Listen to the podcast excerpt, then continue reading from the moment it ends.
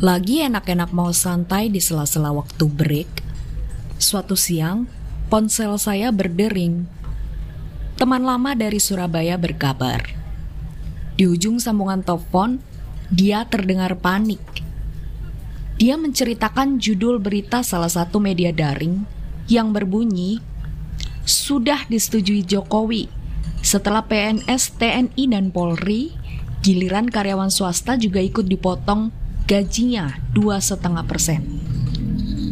Dengan berapi-api teman saya mengomel, ini gimana sih? Belum juga selesai urusan ciptaker soal kesejahteraan pekerja. Sekarang kok mau pangkas gaji seenaknya? Gimana sih pemerintah? Loh, loh, loh, loh, loh. Tunggu dulu. Ada apa ini? Saya sampai mengerjap-ngerjap berusaha mencerna mengapa teman saya panik. Sampai-sampai minta saya khusus membahas soal isu potong gaji 2,5% ini. Hmm, ada apa sebenarnya? Mari kita kupas faktanya.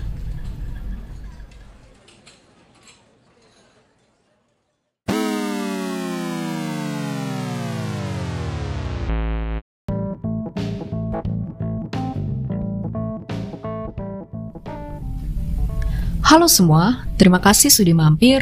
Kembali lagi di After Hours Talk bersama saya, WDH. Di kanal ini saya akan mengulas apa saja yang terlintas di benak saya seputar berbagai masalah sosial dari tinjauan ekonomi Rio. Hmm, oke, okay, beberapa hari ini ada pemberitaan di media massa, uh, khususnya di media daring, di media online, yang cukup membetot perhatian masyarakat. Jadi muncul berita-berita uh, dengan judul pemerintah akan memangkas gaji ke pekerja sebesar dua setengah persen dan itu sudah disetujui oleh presiden. Hmm, sebelum bereaksi terlalu jauh, karena beberapa kawan uh, langsung menanggapinya dengan impulsif. Kita cermati dulu apa sih yang dimaksud oleh pemberitaan tersebut. Nah, ternyata dua setengah persen gaji yang dipangkas kalau kita perhatikan sebenarnya uh, kebijakan tentang pemangkasan gaji, penaikan, penurunan, penyesuaian yang ter yang terkait dengan penyesuaian gaji lah. Itu sebenarnya kan perusahaan ya, kebijakan perusahaan. Apa hubungannya gitu sama presiden? Ngapain presiden uh, atau pemerintah lah pada umumnya ngatur soal gajimu dipangkas atau dinaikin.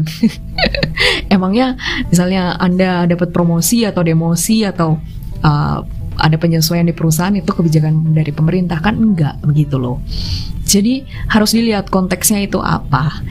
Yang dimaksud dengan dalam tanda kutip pangkas gaji atau pangkas upah 2,5% itu ternyata ada kaitannya dengan peraturan pemerintah nomor 25 tahun 2020 tentang penyelenggaraan tabungan perumahan rakyat Tapera. Nah, ini jadi uh, saya juga ingin bicara sedikit sih tentang media online. Yang belakangan juga kalau ngasih judul itu cenderung ya maaf-maaf nih clickbait gitu. Jadi judul-judul yang catchy mungkin yang menyita perhatian, tetapi sebenarnya tidak sesuai dengan konteks apa yang diberitakan substansinya agak-agak sedikit melenceng gitu tapi bisa membentot perhatian begitu dibuka penjelasannya oh ternyata hal yang berbeda tapi sekarang kita lihat aja, banyak ini netizen plus 62. netizen plus 62 di region plus 62 ini yang cenderung impulsif atau malah reaktif ketika melihat satu pemberitaan yang uh, menurut mereka itu uh, sensitif, terutama dalam kondisi seperti sekarang ya. Kemarin uh, gasak kusuk soal omnibus law cipta kerja, khususnya klaster tenaga kerjaan aja belum reda. Tiba-tiba sekarang media online banyak yang memainkan keyword seperti pangkas gaji dua setengah persen. Padahal itu untuk membicarakan kebijakan lain yang gak ada hubungannya dengan uh, kebijakan pengupahan gitu loh. Ngomongin tapera sebenarnya. Nah, oke okay lah, saya nggak mau berpanjang-panjang lagi dengan polemik penjudulan Tapi saya ingin mengajak Anda untuk lebih bijak dan lebih smart dalam menanggapi pemberitaan. Saya akan mengupas tentang PP Tapera ini dan menimbang-nimbang apa sih sebenarnya dampaknya untuk kita semua. Uh, khususnya untuk kelas pekerja, untuk Anda yang masih berada di kelas pekerja. Kira-kira akan seperti apa dampaknya dan mengapa ini menjadi penting untuk kita ulas? Kita akan kupas bersama-sama di episode After Our Stock kali ini.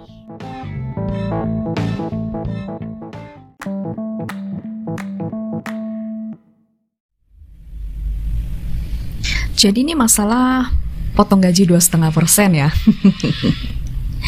Apa pun ceritanya nih dalam kondisi ekonomi sulit lagi kayak gini, publik itu kalau mendengar sesuatu yang berhubungan dengan pemangkasan terhadap penghasilan mereka itu sensitif, bisa berang. Jadi ya saya nggak bisa menyalahkan juga ketika ada banyak kawan yang sekilas membaca judul pemberitaan soal pemangkasan gaji 2,5% terus emosi jiwa. Tapi ya itu tadi sebenarnya kita harus pahami dulu konteksnya apa sih ini 2,5% itu apa yang dipotong dan kenapa. Uh, jadi tahun ini pemerintah kan udah menerbitkan yang namanya Peraturan Pemerintah Nomor 25 Tahun 2020 tentang penyelenggaraan tabungan perumahan rakyat (TAPERA). Bagi yang belum tahu sebenarnya TAPERA ini bukan program baru sih. Dia udah lama. Intinya sih untuk menjamin gimana ceritanya supaya pekerja itu ketika nanti dia pensiun dia nggak terlunta-lunta hidupnya karena nggak punya rumah gitu. Jadi maksudnya negara pengen hadir untuk memastikan setiap pekerja itu punya akses terhadap rumah. Lalu atas dasar itu program Tapera ini diwajibkan jadi sifatnya bukan lagi untuk ASN atau PNS aja, tapi untuk semua masyarakat yang bekerja. Termasuk pekerja swasta, termasuk uh, wirausahawan, entrepreneur, bahkan termasuk WNA yang tinggal di Indonesia lebih dari enam bulan. Gitu. Nah, uh, karena dia ini nantinya akan menjadi iuran wajib Selama ini kan kita mengenal iuran wajib untuk pekerja itu ada dua, BPJS Kesehatan sama BPJS Ketenagakerjaan. Nah, mulai 2021 itu nanti ditambah satu ini lagi, Tapera ini.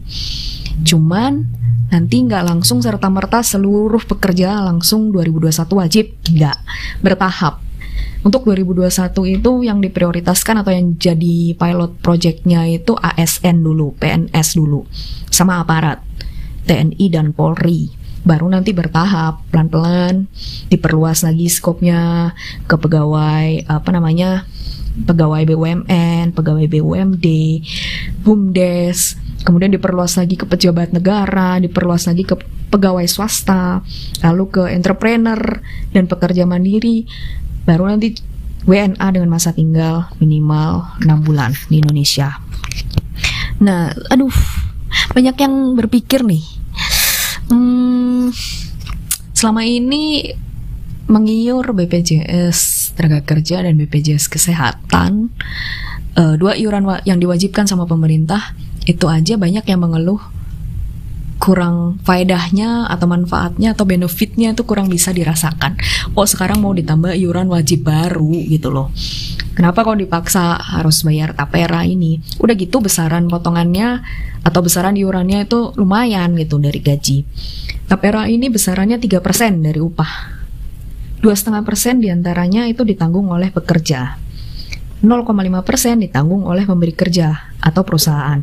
Nah itu tadi makanya yang heboh-heboh 2,5% itu itu karena nanti kita uh, pada saatnya nanti kalau anda pegawai swasta seperti saya pada saatnya nanti akan diwajibkan mengiur 2,5% dari gaji untuk tapera ini.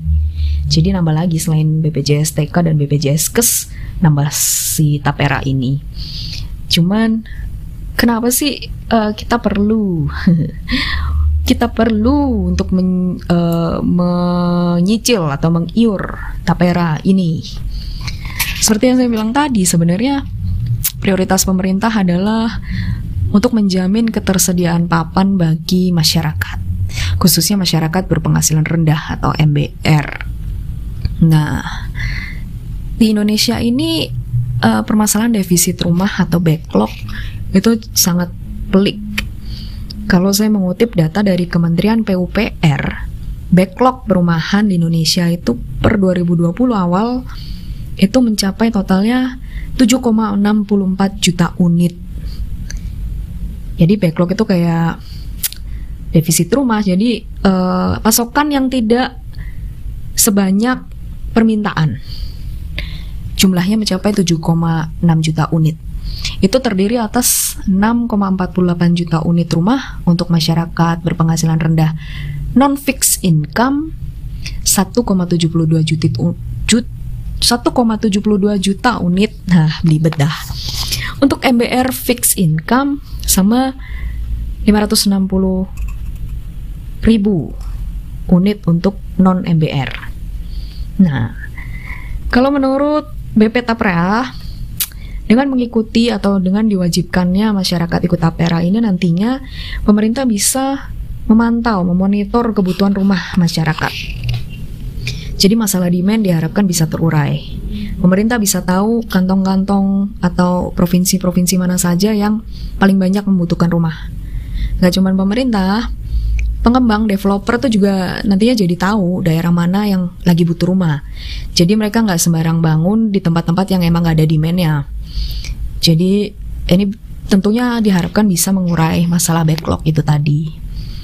Nah, nanti kalau uh, peserta tapera ini juga bisa mendapatkan akses pembiayaan untuk uh, memilih bank mana yang akan mereka gunakan untuk membiayai rumah yang mereka pilih itu.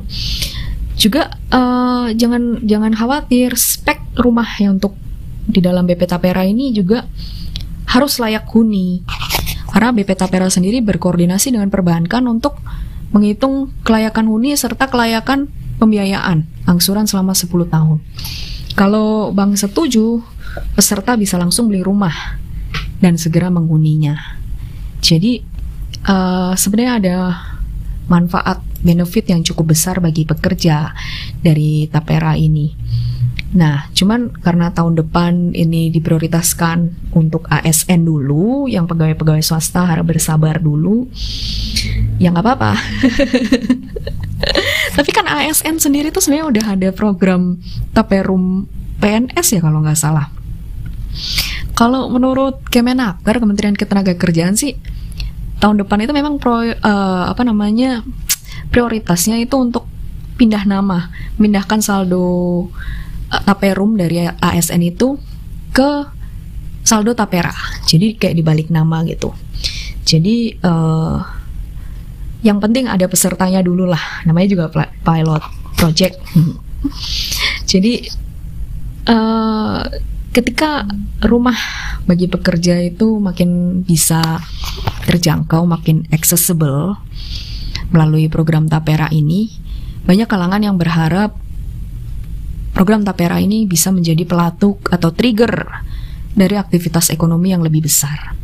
Contoh, industri properti pasti akan berjalan karena demand dari Tapera ini. Nanti imbasnya ada sekitar 170-an industri terkait lainnya, misalnya kayak industri bahan bangunan, terus penyedia jasa interior dan sebagainya. Terus juga serapan tenaga kerja akan terbuka. Dengan demikian harapannya program Tapera ini juga memacu aktivitas ekonomi.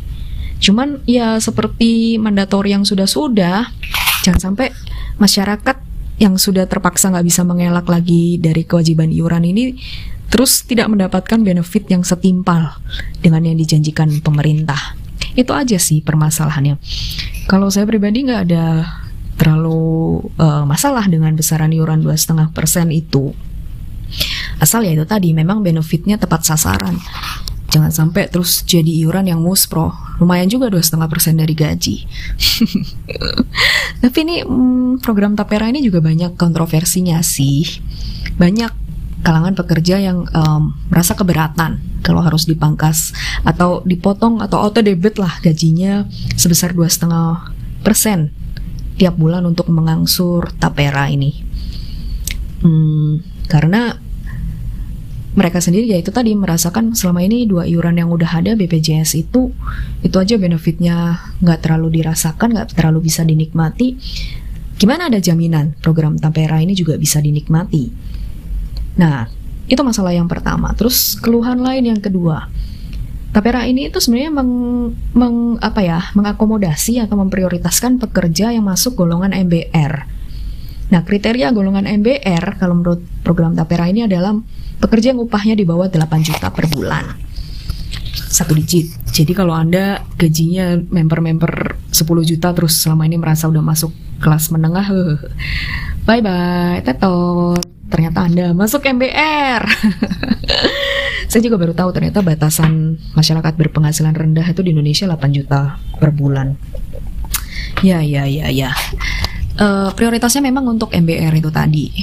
Cuman masalahnya sekarang pegawai swasta yang upahnya di atas 8 juta per bulan aja juga banyak yang belum bisa punya rumah atau sulit punya rumah.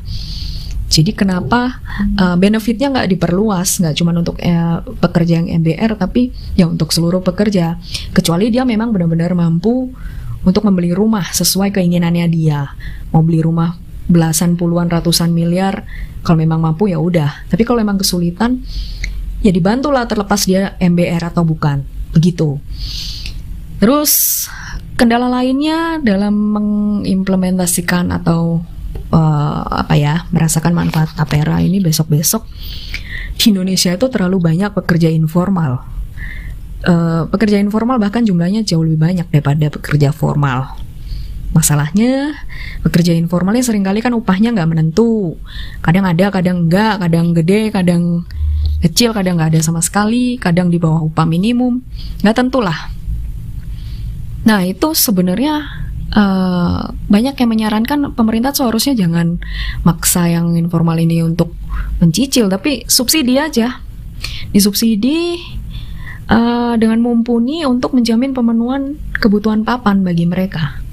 Karena dengan penghasilan yang nggak menentu itu tadi, bagaimana uh, memastikan keberlanjutan iuran dari mereka pekerja informal, kedisiplinan pembayarannya. Jangan-jangan bulan ini bisa bayar bulan depan nggak bisa karena nggak ada income atau income-nya turun. Kayak gitu loh. Hmm, itu belum terlalu dipikirkan oleh pemerintah dan saya juga belum tahu solusinya apa nanti. Uh, masalah sustainability dari pembayaran. Jangan sampai karena tidak disiplin membayar karena satu faktor dan lainnya terus berakhir malah jadi defisit nih program Tapera. Itu sudah terjadi di BPJS Kesehatan. Jangan sampai terus nanti seperti ini uh, hal serupa terjadi di Tapera. Terus juga harus diperhitungkan masalah urgensi dari urgensi, urgensi dari kepemilikan rumah oleh pekerja serta ketersediaannya. Jadi banyak yang menilai ini nggak terlalu urgent untuk dimandatorikan. Sebenarnya dibikin sukarela aja, kayak ya kalau kamu memang merasa butuh rumah dan kemudahan untuk mengakses rumah silakan ikut. Tapi nggak usah dibikin mandatori. Nggak usah dibikin wajib lah. Karena urgensinya belum dapet. Nah masih bertanya-tanya apa motif dibalik diwajibkannya tapera ini? Tapi um, apa pun itulah niat baik pemerintah untuk menyediakan rumah atau menjamin akses terhadap rumah bagi tenaga kerja itu patut diapresiasi Cuman kembali lagi, nanti jangan sampai kita sudah mencicil, mengiur, malah justru memberatkan, kontraproduktif, uh, kemudian benefitnya nggak seberapa. Hmm, saya rasa menarik nih. Kalau menurut anda seperti apa? Anda termasuk kelompok pekerja yang merasa yang memang tapera ini perlu. Saya butuh tapera ini karena saya butuh kemudahan akses rumah atau Anda termasuk yang aduh ini bikin makin berat iuran aja. Nambah-nambahin beban nambah-nambahin potongan apa upah aja. Benefitnya juga belum tentu. Apa pun jawaban Anda kita tunggu nanti lah bagaimana implementasi dari program Tapera ini dilihat dari uh, pilot projectnya terhadap para ASN dan aparat nih TNI dan Polri. Oke lah, sekian dulu pembahasan kita kali ini. Next kita mau bahas apa lagi? Saya belum ada ide nih. Jika kalian punya ide, silakan sumbang ide ke saya. Siapa tahu saya bisa mengupasnya. Dan saya selalu berusaha untuk mengupas isu dengan berimbang, tidak memihak kepada yang pro maupun yang kontra, tapi objektif saja memaparkan apa yang menjadi problematika di tengah publik.